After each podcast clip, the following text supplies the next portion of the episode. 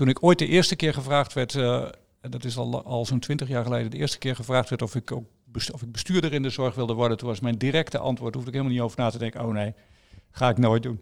Welkom bij Koffieko de podcast. De podcast voor en door geneeskundestudenten. Waarbij wij, gewapend met een kop koffie, voor jou op pad gaan om interviews af te nemen met de leukste, interessantste en meest inspirerende artsen van Nederland. Dit is Koffieko. Hey Ko, ja wat doe je daar? Er staat een carrière voor je klaar. Maar je weet nog niet wat en waar. Een cappuccino maakt het minder zwaar. Dus zet je volumeknop omhoog. Want je luistert Koffieko en je weet het zo. Papa, papa, para, Leuk dat jij weer luistert naar Koffieko de podcast. Wij zijn Benjamin en Mare. En vandaag bij ons de gast niemand minder dan Ernst Kuipers, minister van Volksgezondheid, Welzijn en Sport. Ja, beste minister Kuipers.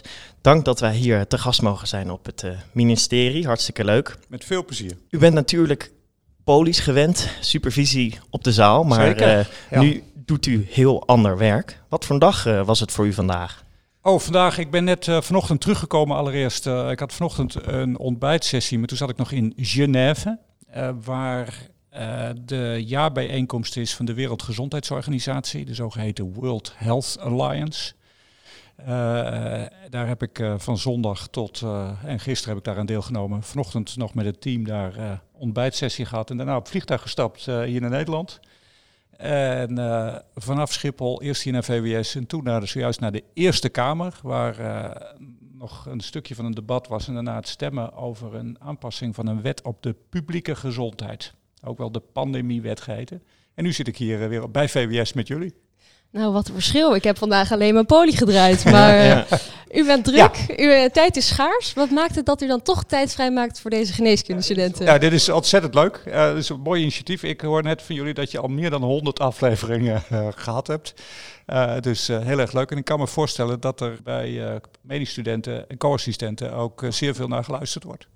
Ja, zeker. Daar zijn we ook hartstikke, hartstikke blij mee. Ja. En u bent ook ooit als co-assistent begonnen. Dat is al heel lang geleden. Ik ben al uh, ruim op leeftijd. Ja, eh, waarom bent u ooit begonnen aan geneeskunde? Oh, ik ben eerst begonnen met uh, een studie scheikunde. Ik vond vooral fysische chemie heel leuk. dus dat trok mij aan. En dus de combinatie, het snijvlak van natuurkunde en scheikunde.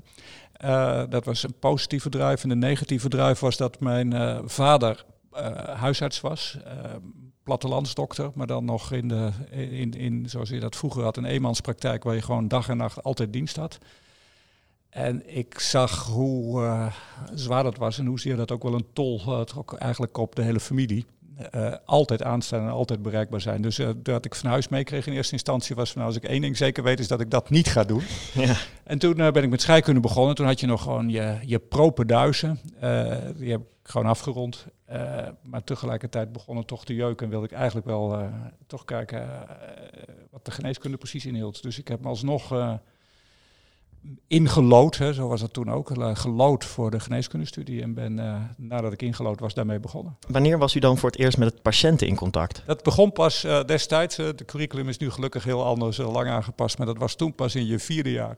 Dus dan had je je propeduis, dat was het eerste jaar, en dan had je je kandidaats, dat was het tweede en derde jaar. En pas in je vierde jaar kreeg je met patiënten te maken. En, en, hoe was die eerste aanraking met, met een patiënt? Dat begon allereerst gewoon uh, in, op het college, dat er patiënten gepresenteerd werden. Nou, zoals jullie dat uh, nog wel kennen, uh, patiëntdemonstraties. En dan krijg je opeens een heel ander verhaal en dan krijg je andere dynamiek. En dan wordt het opeens interessant. En sommige van die patiënten, die, dat, dat, ja, dat verhaal maakt indruk. En dat kun je later ook onthouden of dat kun je navertellen. En wat is dan een verhaal wat u is bijgebleven van uw kooschappen? Oh, uh, het zijn uh, talloze, maar je, ik weet nog dat ik op een gegeven moment uh, dat er patiënten waren, bijvoorbeeld jonge patiënten ook toen al, dus mensen van je eigen leeftijd, die opgenomen waren op de afdeling hematologie met aandoeningen zoals leukemie, wat zeer indrukwekkend was toen en nu nog steeds. En daar herken je mensen. En ik denk dat je dat op zo'n leeftijd ook aanspreekt. Van dat zijn mensen van mijn leeftijd. En je hoort een verhaal en ze doen het in de woorden in jouw taal die je ook aanspreekt. En, en je ziet wat mensen daardoor lopen, maar ook wat een team van verpleegkundigen en artsen met een patiënt en met familieleden doen en wat voor intensief traject zoiets is. Ja, en u noemt nu de hematologie. Had u tijdens uw kooschappen al een voorkeur voor een bepaald specialisme? Um, ik denk dat, uh, dat, dat, dat ik denk dat dat voor de meeste mensen zo is. Nou, sommigen beginnen uh, met hun studie en zeggen ik wil graag kinderarts worden of ik wil anesthesist of ik wil uh, kinderhartchirurg of iets uh, heel bijzonders. dat, dat had ik helemaal niet. Eén ding wist ik wel, ik, ik wilde niet hetzelfde doen als wat mijn vader deed. In mijn eentje in een praktijk werken altijd. Ik wil ergens wel iets in teamverband. en zoals toen de keuzes nog waren, en ik denk, uh, misschien komen we dan nog wel op dat het tegenwoordig veel beter op een andere manier kan, maar toen was de keuze, als je in een ziekenhuis wilde werken en je koos voor een vak, dan waren de, de, twee lijnen waar langs je koos, was wil ik een smal vak of een breed vak, en wil ik snijdend of niet snijdend. Dat was ongeveer de matrix. Ik zeg het nu met een grijns, dat kunnen de mensen die de podcast luisteren niet uh, maar ondertussen is er natuurlijk ontzettend veel veranderd. die, die vakken zijn veel verder ontwikkeld. Smal, en breed is niet meer van toepassing. Uh, snijdend en niet snijdend is heel erg door elkaar gelopen. Um, zelf denk ik dat als je nu kiest en je kiest en je wilt iets op eh, dan zijn er hele andere richtlijnen waar je langs kiest. En dat is, begint natuurlijk eerst van, nou, wil ik in de eerste lijn werken of in de tweede of een derde lijn? Wil ik in de curatieve zorg of bijvoorbeeld in de publieke gezondheidszorg werken? En in uw tijd was het dus meer smal, breed, uh, snijdend, niet snijdend. Ja. had u al een beetje een idee waar in welke hoek u uh, viel? Ik ben uh, begonnen, nou, voor mij is geleerd, dit kwam erg geleidelijk, maar ik ben begonnen met een opleiding interne geneeskunde. Die heb ik eerst afgerond. En tijdens die opleiding kwam ik veel in aanraking met de maagdarm- en leverziekte, wat toen een vakgebied was wat heel erg in ontwikkeling was door de komst van de flexibele endoscopie. Dat bestond al heel lang, maar was toen juist, en toen praat ik nu over uh, de tweede helft van de tachtiger jaren, zo lang geleden. Dat was toen heel erg in ontwikkeling en dat vond ik heel interessant. Dus ik heb eerst een opleiding interne geneeskunde gedaan en daarna nog een opleiding tot maagdarm en. Want hoe, hoe is dat toen gegaan? Vanuit uw kooschappen in één keer in opleiding, hoe, hoe ging dat toen der tijd? Uh, dat was, uh, net als dat het nu nog steeds is, uh, opleidingsplaatsen was niet zo makkelijk, ook toen. En ik heb eerst een keuzekooschap gedaan, interne geneeskunde, dat vond ik een mooi vak. En dat beviel goed en toen heeft op een gegeven moment mijn, degene die mij toen begeleidde, een internist, die heeft mij op een gegeven moment om een curriculum gevraagd, om een cv. En dat heeft hij doorgestuurd ergens anders naartoe in een ander ziekenhuis, iemand die die kende tegen mij alleen maar gezegd, oh, uh, toen ik hem in de gang tegenkwam, van ik heb je cv even doorgestuurd. Oh, oh, oké. en toen kreeg ik inderdaad een oproep, dat was in het, uh, ik werkte als co in het uh, ziekenhuis in Enschede. Dat heet nu het Medisch Spectrum Twente, maar dat heette toen nog ziekenzorg. Uh, en ik kwam zo op die manier terecht in het uh, Deventer ziekenhuis en heb daar gesolliciteerd en ben aangenomen. En daar heb ik dus de internistenopleiding gedaan. En u noemde net een aantal best wel mooie aspecten van de interne geneeskunde. Welke is nou het belangrijkst? Waarom heeft u nou gekozen voor de interne kant? En misschien even het focus ook op de maagdarm- leverziekte. Uiteindelijk dan gaat het wat je in dat vakgebied doet. En wat mij aansprak is allereerst dat het gaat om patiënten van alle leeftijden dat het een combinatie is en een prachtige mix tussen acuut en langdurig. Precies op die zijklijn wat ik zei. Ja, dat is echt langdurig en kortdurend. Uh, de hele brede mix aan patiënten en alle leeftijden. En dat waren belangrijke uh, dingen die mij aantrokken. En langzamerhand, als je daarin bezig bent, en dat gebeurde pas in de loop der jaren, dan krijg je dus ook de ontwikkeling van het vak. Ga je steeds meer ook binnen zo'n vakgebied bepaalde patiëntencategorieën richten. Is dat nou onvermijdelijk om toch te specialiseren binnen een vakgebied? Nee, dat hoeft niet. Uh, er zijn ook vakgebieden die uh, bewust heel erg breed zijn. Hè. Als je een prachtig vakgebied kent, waarvan ik zelf altijd zeg dat is een van de moeilijkste binnen de geneeskunde, dan is het de huisartsengeneeskunde. dat is heel breed en blijft heel breed en heeft bij uitstek ook die combinatie van ook patiënten van alle leeftijden, soms acuut en soms chronisch, maar wel die patiënten blijf je ook vervolgen. Uh, en is in die zin heel complex, dat omdat het zo breed is en omdat je het vaak in eerste instantie ook moet doen met wat beperktere middelen die direct tot je beschikking staan. Natuurlijk kun je bloedonderzoek aanvragen en kun je een foto doen, maar het gaat allereerst uh, om je eerste blik en de middelen die je daar hebt. En dat is uh, complex. u was aangenomen, uw allereerste baan. Iets eh, wat ons binnenkort ook te wachten Ja. staat. Nogal Ja. spannend. hoe, hoe ging dat u af? Oh, mijn allereerste baan. eh, nou, dat is natuurlijk toch reuze spannend op het moment dat je begint. Ik weet nog eh, goed dat ik begon samen tegelijkertijd met eh, één collega, heet het dan gelijk. We hebben nog altijd contact. En dat was ja, toch heel spannend, omdat je begint en direct ergens als zaalarts. En natuurlijk heb je supervisie en word je begeleid, maar eigenlijk moet je ook wel direct er alleen voor staan. En dat heb je als co-assistent het een en ander meegemaakt, maar dan heb je altijd de artsassistent die meekijkt. En plotseling ben je zelf de artsassistent die eh, de co-assistent moet begeleiden. En dat is in eerste instantie eh, reuze spannend. Eh, en ik weet nog wel even de dingen die, echt, eh, die dan echt blij blijft, is bijvoorbeeld je eerste avond- en nachtdienst doen. Waarbij, zoals dat toen ging in een algemeen ziekenhuis, om goede reden zijn er veel dingen aan veranderd. Maar toen was dat dan opeens als assi- artsassistent in, in een ziekenhuis, zoals gezegd toen in Deventer, eh, was je dan s'avonds en s'nachts met twee artsassistenten, één eh, chirurgie en één interne. En die waren er twee in huis. En die deden dus alles. eh, van de spoedeisende hulp tot de hartbewaking en de medium care en de intensive care en alle verpleegafdelingen. U bent op een gegeven moment MDL-arts geworden. Ja. En u bent daarna gaan promoveren. Ja. Of was dat daarvoor?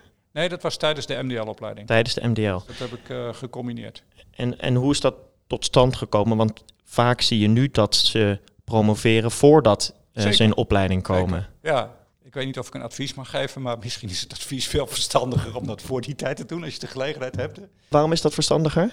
Nou, het is natuurlijk prachtig. eh, tenminste, als je, dat, als, je daar, als je erdoor aangesproken wordt, dan kan het ongelooflijk mooi zijn om een paar jaar op een onderwerp helemaal fulltime je te kunnen richten. Eh, en daar al heel snel dus op een bepaalde manier ook echt eh, expert op te zijn. En daarmee ook eh, bijvoorbeeld je resultaten te kunnen presenteren op een congres in Nederland of in het buitenland. Fantastisch mooi. In welke vorm dan ook. Of je dat nou doet direct met patiëntgebonden onderzoek, of je doet dat in een laboratorium of eh, op, op een andere plek. Maar dat is prachtig. Als je het combineert met een opleiding, dan is er toch altijd twee dingen die er tegelijkertijd de tijd vragen. Je moet je opleiding doen en je moet je diensten doen. En oh ja, en passant is er ergens moet je ook nog de gelegenheid doen om je promotie te. Maar ja, zo Ging, ging dat wel? toen. Hoe- ik had niet ja. zoveel. eh, Hoe was dat? Weinig tijd? Of? Nee, nou, dat ging hartstikke goed. Maar ik had wel aangegeven. Dus ik had mijn internistopleiding afgerond. Voor het grootste deel in het Deventer ziekenhuis. En een heel klein stukje in het UMC Groningen. En toen eh, kreeg ik de mogelijkheid om eh, in de VU in Amsterdam. VUMC, zoals nu, nu heet het Amsterdam UMC, maar in, in de VU. mijn MDL-opleiding te doen. En toen had ik in het sollicitatiegesprek met eh hoogleraar kwam voorbij of ik dan ook promotieonderzoek wil doen. En dan zeg je ja. Ja, ja. En je hebt geen idee waar het over gaat. En toen werd ik naar het eh, laboratorium gestuurd. En ik weet nog heel goed dat ik daar aankwam. En dat eh, de mensen die daar vast op het lab zaten, biochemici en, en een klinisch geneticus, en, of een, een geneticus en een andere moleculair bioloog. En die kwamen daar en die zagen daar zo'n jonge artsassistent aankomen. En die zeiden, wat kom je hier doen? En ik zei, nou, geen idee. Hè. De professor heeft het ook niet. gestuurd. Ja, Ja, ja. dat was ha, ha, ha. Oh, daar hebben we er weer zo een.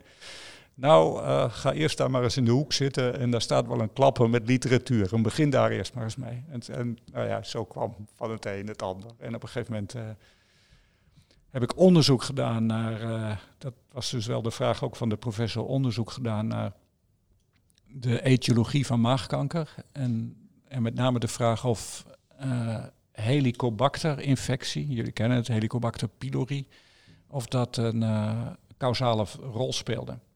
En die Helicobacter was een paar jaar daarvoor net ontdekt, voor het eerst gerapporteerd. Die hadden een relatie, dat was al wel duidelijk, met eh, peptische ulcera.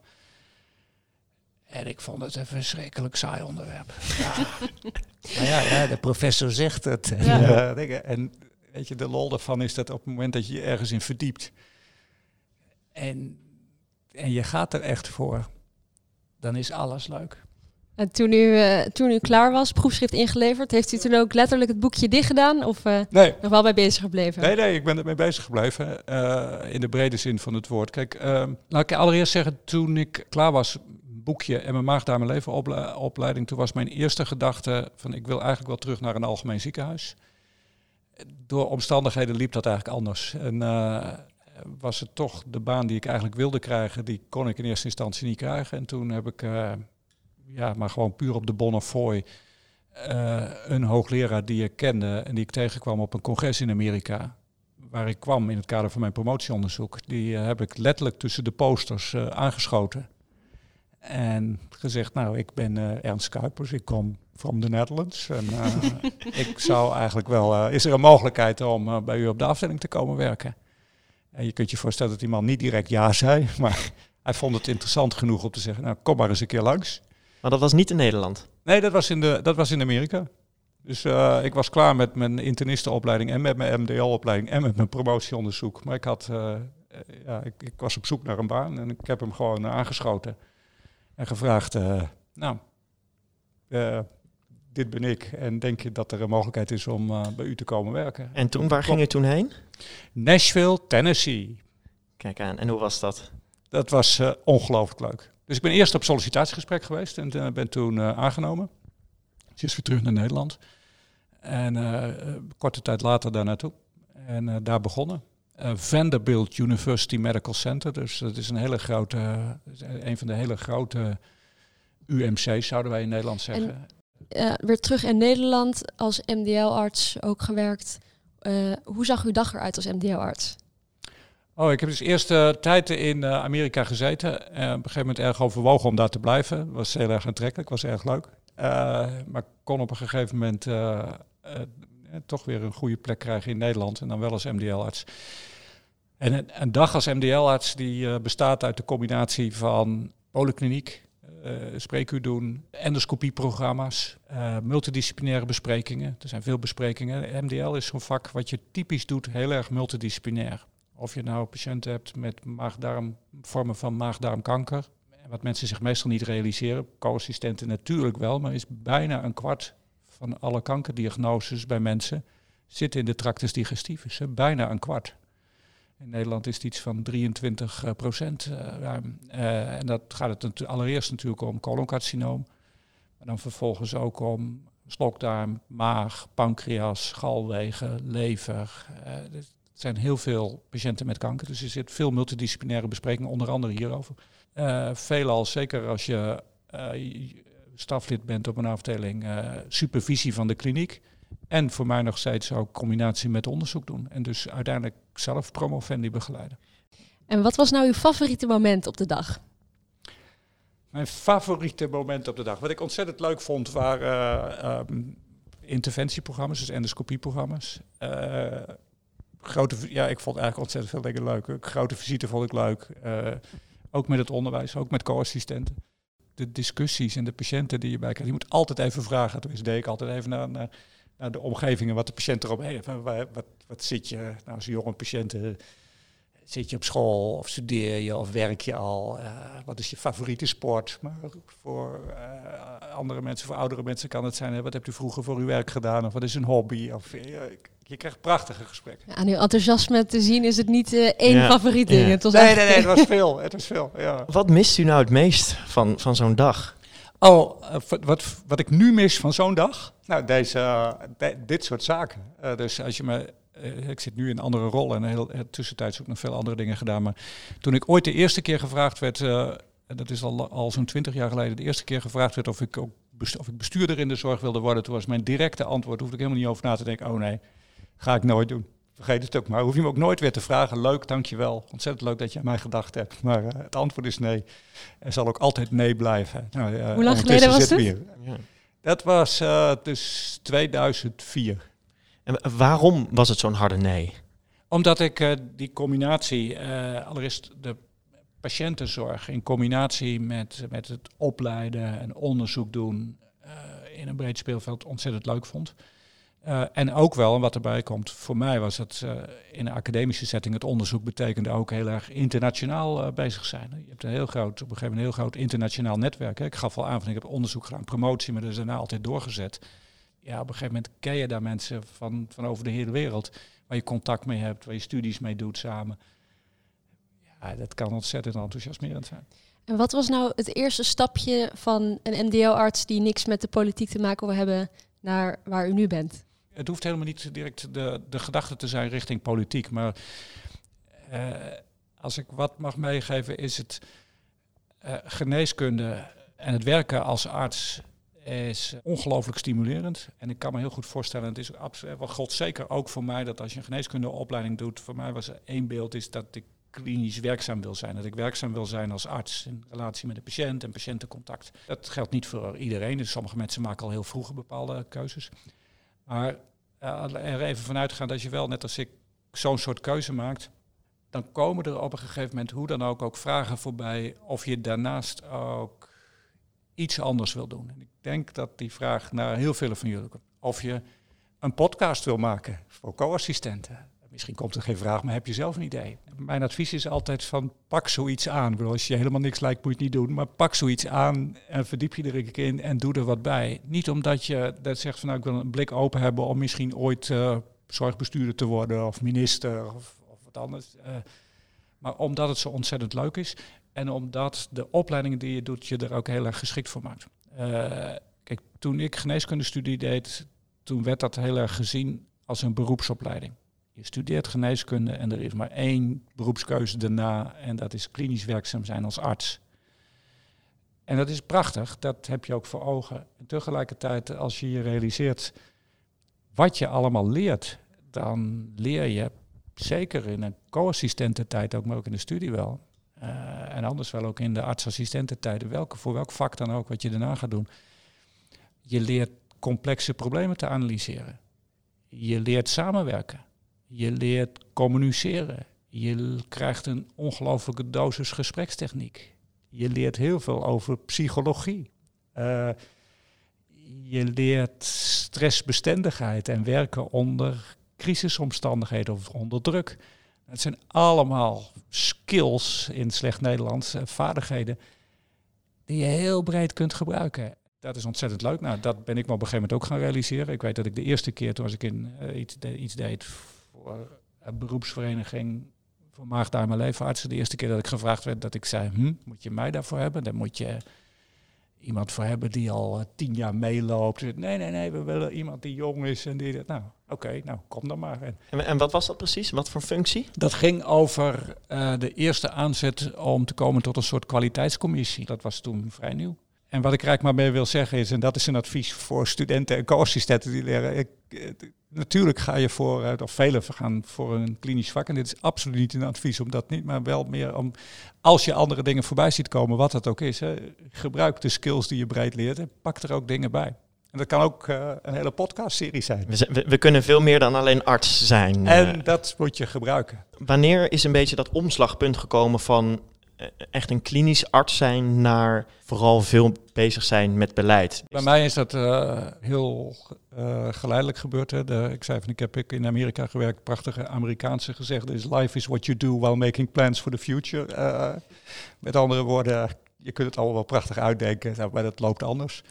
Dus ik maak daar mijn leven uit en toen ben ik, toen ik terugkwam naar Nederland, na enige tijd uh, in het Erasmus MC in Rotterdam gaan werken. En daar werd ik uh, hoofd van een afdeling maagdarm-leverziekte.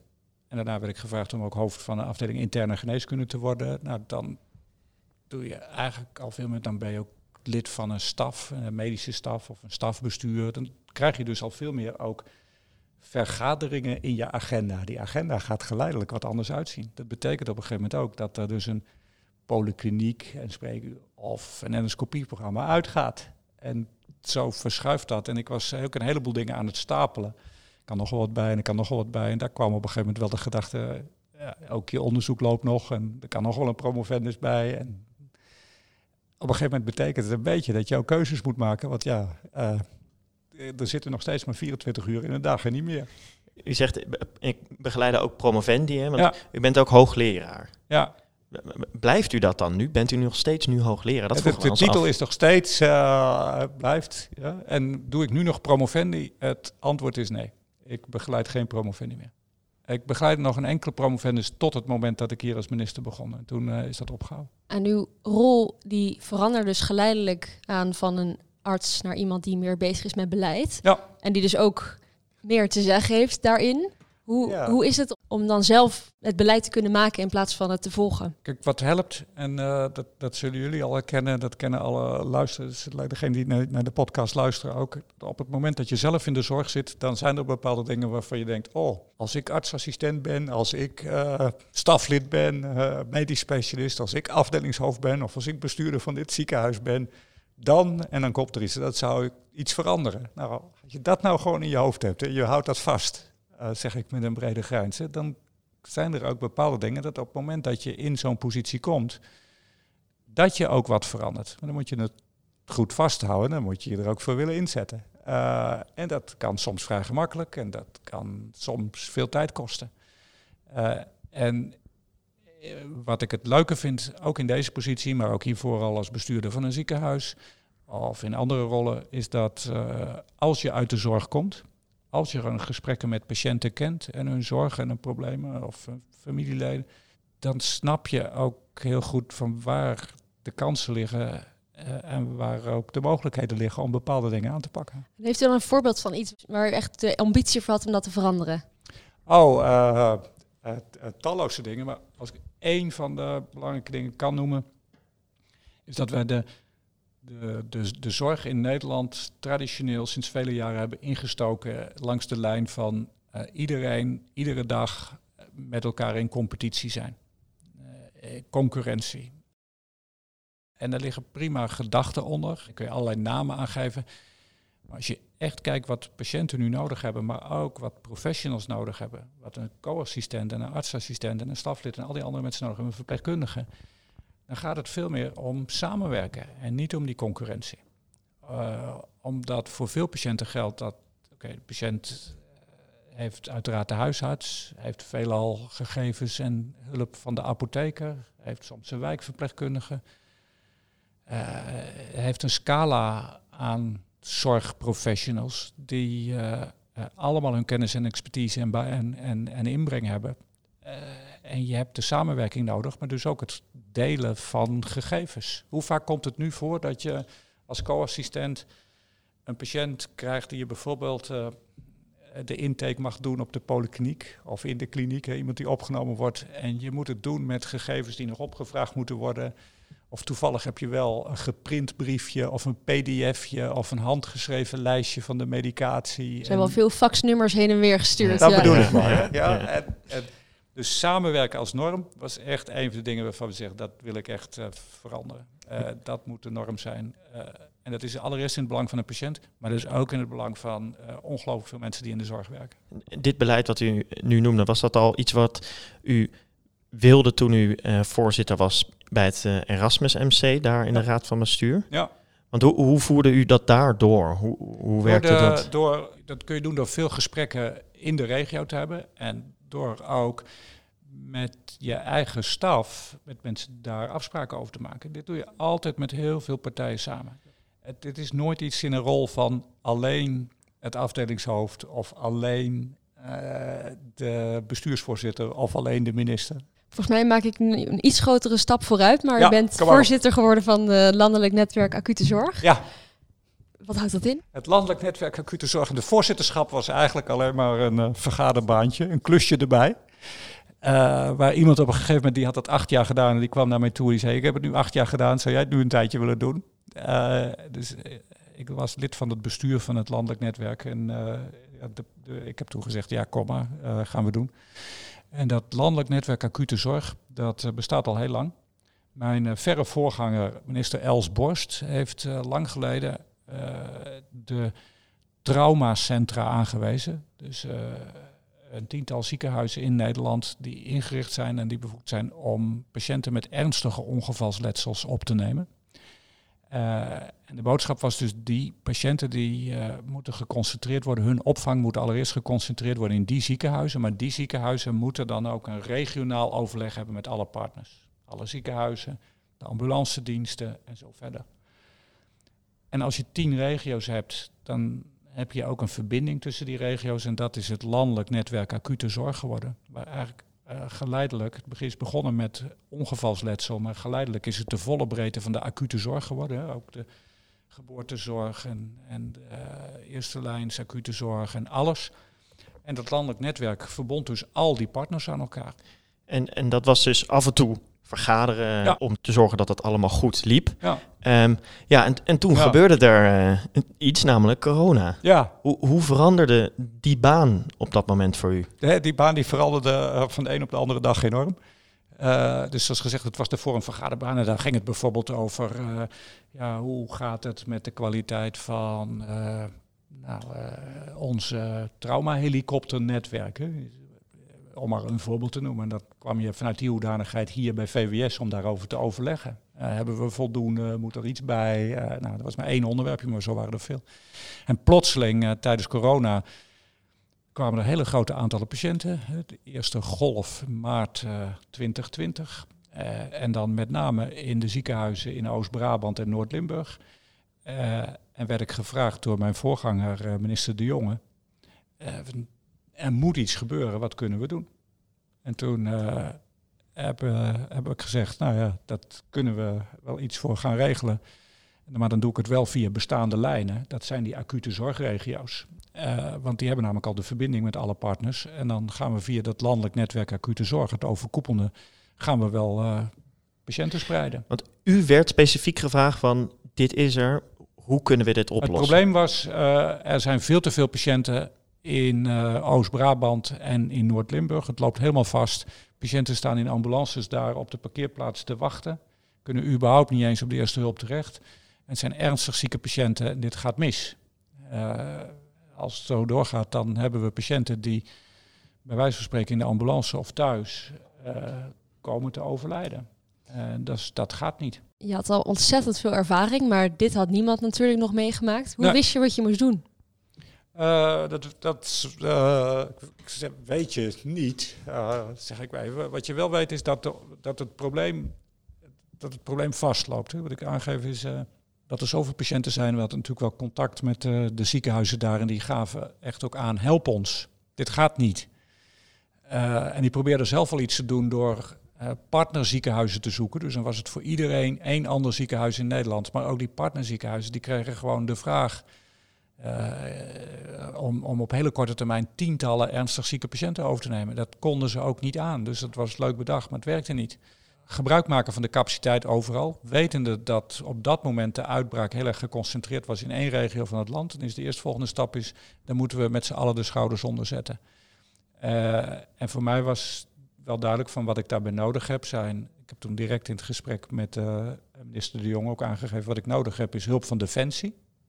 Enkel en alleen maar met de gedachte, bij Defensie kennen ze dit soort crisissituaties en kunnen ze ook als ze uitgezonden worden ergens op korte termijn iets neerzetten wat gaat over samenwerken, distributie, coördinatie. Die kan helpen. Werd het toen van de een op de andere dag een fulltime functie? Of, want u was toen tegelijkertijd...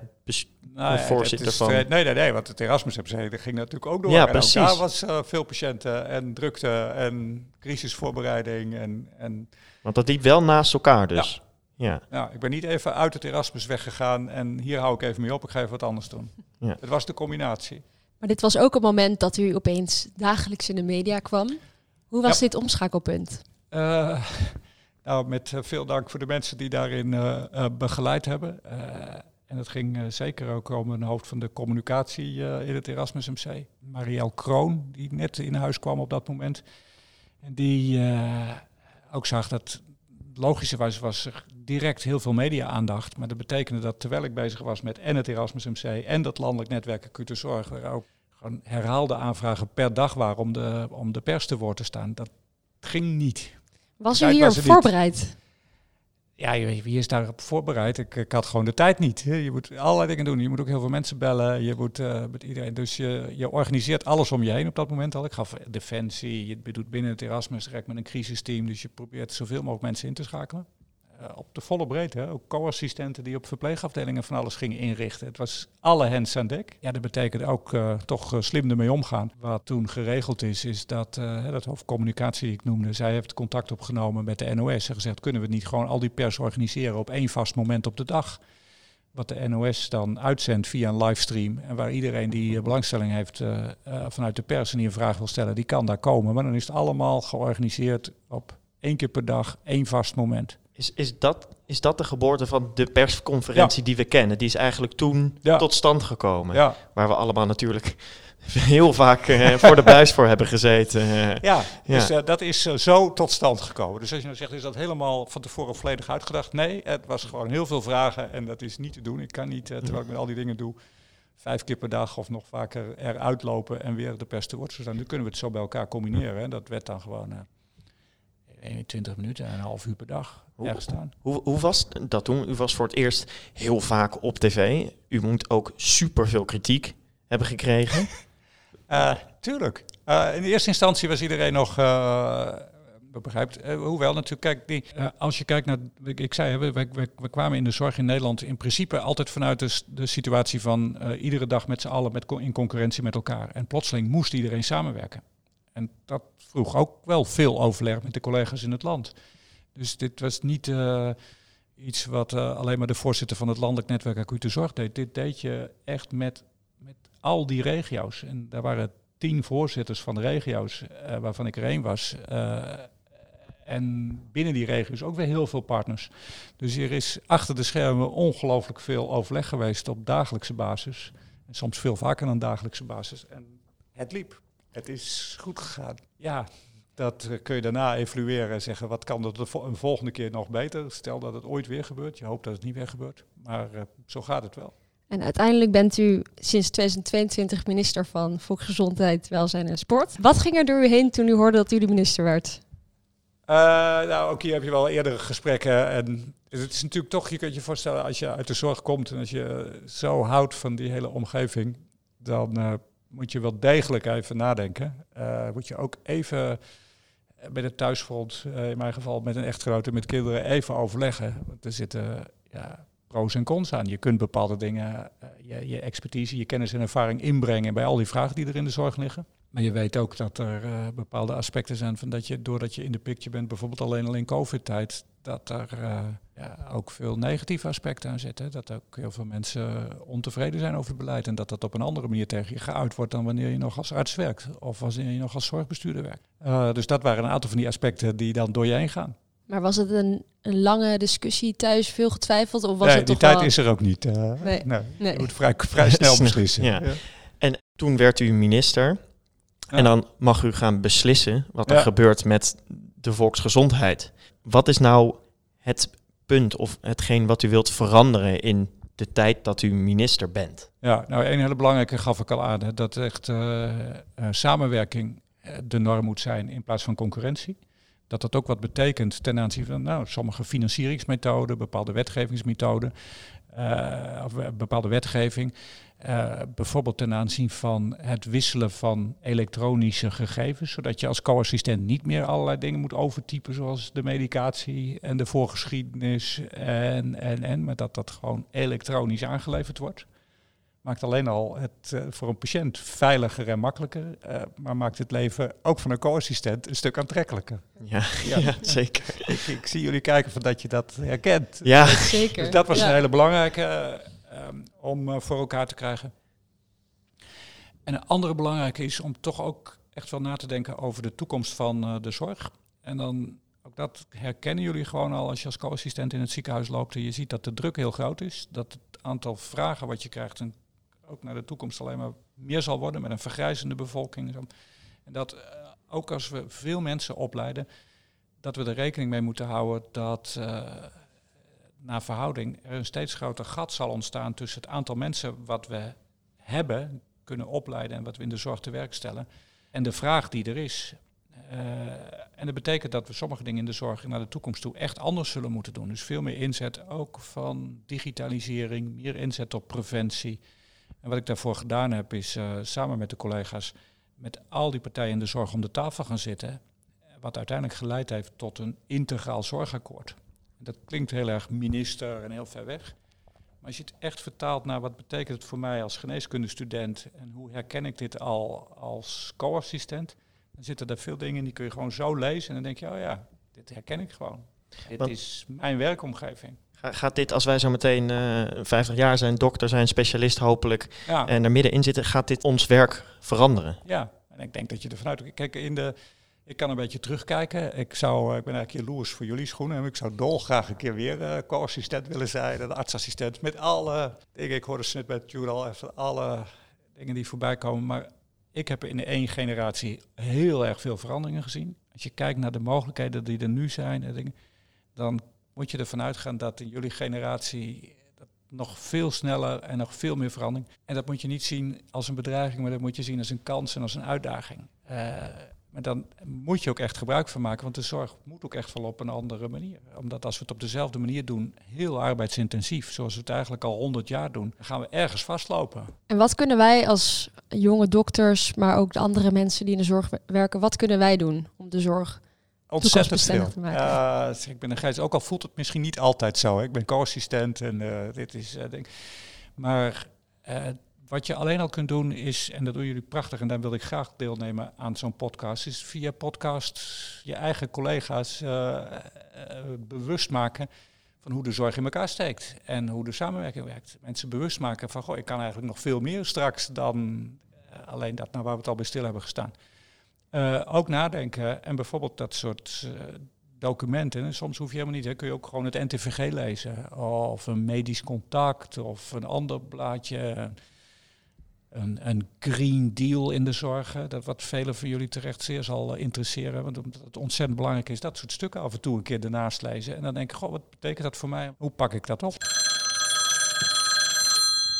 De co-telefoon. Ja, de co-telefoon. Dat is een vraag ingestuurd door een van onze luisteraars. Ja. En er waren ontzettend veel mensen die uh, wat wilden weten. Dat is goed. Ja. De vraag is van Jorik. Ja. En de vraag is, voelt u zich meer een arts of een minister? Oh, uh, ja, Jorik, ik voel me eigenlijk de combinatie van allebei. En ik denk dat dat ook uh, goed is. Uh, met een duidelijke kanttekening. Hè. Ik ben ondertussen zo lang in een bestuurlijke functie dat ik uh, mijn, mijn registratie verlopen is. Maar als je kijkt naar de duur waarin ik in de zorg heb rondgelopen, in verschillende rollen, dan alleen al kijkt, dus van beginnende co-assistent tot aan het moment van ministerschap dan uh, is dat bij elkaar uh, ongeveer 38 jaar. Dus uh, voel je je daarna, anderhalf jaar later, arts af of ver weg? Nee, absoluut niet. Ik ben bang dat dat er ook niet meer uitgaat. Gaat u ooit nog terug de kliniek in, denkt u? Nee, ik ga niet meer terug de kliniek. Okay. Dat moet je ook helemaal niet willen. Als je, als je op een gegeven moment daar te lang uit bent.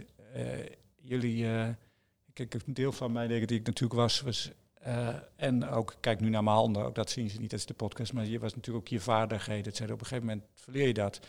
En dan kijk je tegen jullie aan met een volgende generatie. En dan zijn jullie uh, sneller en handiger en uh, veel. En ik, dan moet ik helemaal niet willen dat ik daar weer naartoe ga. Ik heb het heel lang gedaan en ik vond het ongelooflijk leuk. En ik vind het ook leuk om, om op deze fase op een andere manier nog een bijdrage te kunnen leveren. Nou, dat enthousiasme is te merken. Ja allerlaatste vraag. Wat is de tip die je nog zou willen meegeven aan onze luisteraars? De belangrijkste tip heb ik al gegeven. Dus uh, uh, kijk breed om je heen, geniet ervan. En realiseer je heel goed dat de opleiding die je doet, en ook die kooschappen die je doet, dat je daar ontzettend veel, eigenlijk, misschien als je er niet over nadenkt, verborgen vaardigheden leert die je heel breed kunt gebruiken en zet die in voor de patiëntenzorg, maar ook bij allerlei andere dingen die uh, op een gegeven moment vanzelf op je pad komen. Nou, hele, hele mooie tip en een hele mooie afsluiter. Dank u wel voor de tijd die u heeft vrijgemaakt uh, en voor het open gesprek. En natuurlijk hartelijk dank aan onze luisteraars voor het luisteren. En tot de volgende keer bij Koffieko, de podcast. Dank jullie wel.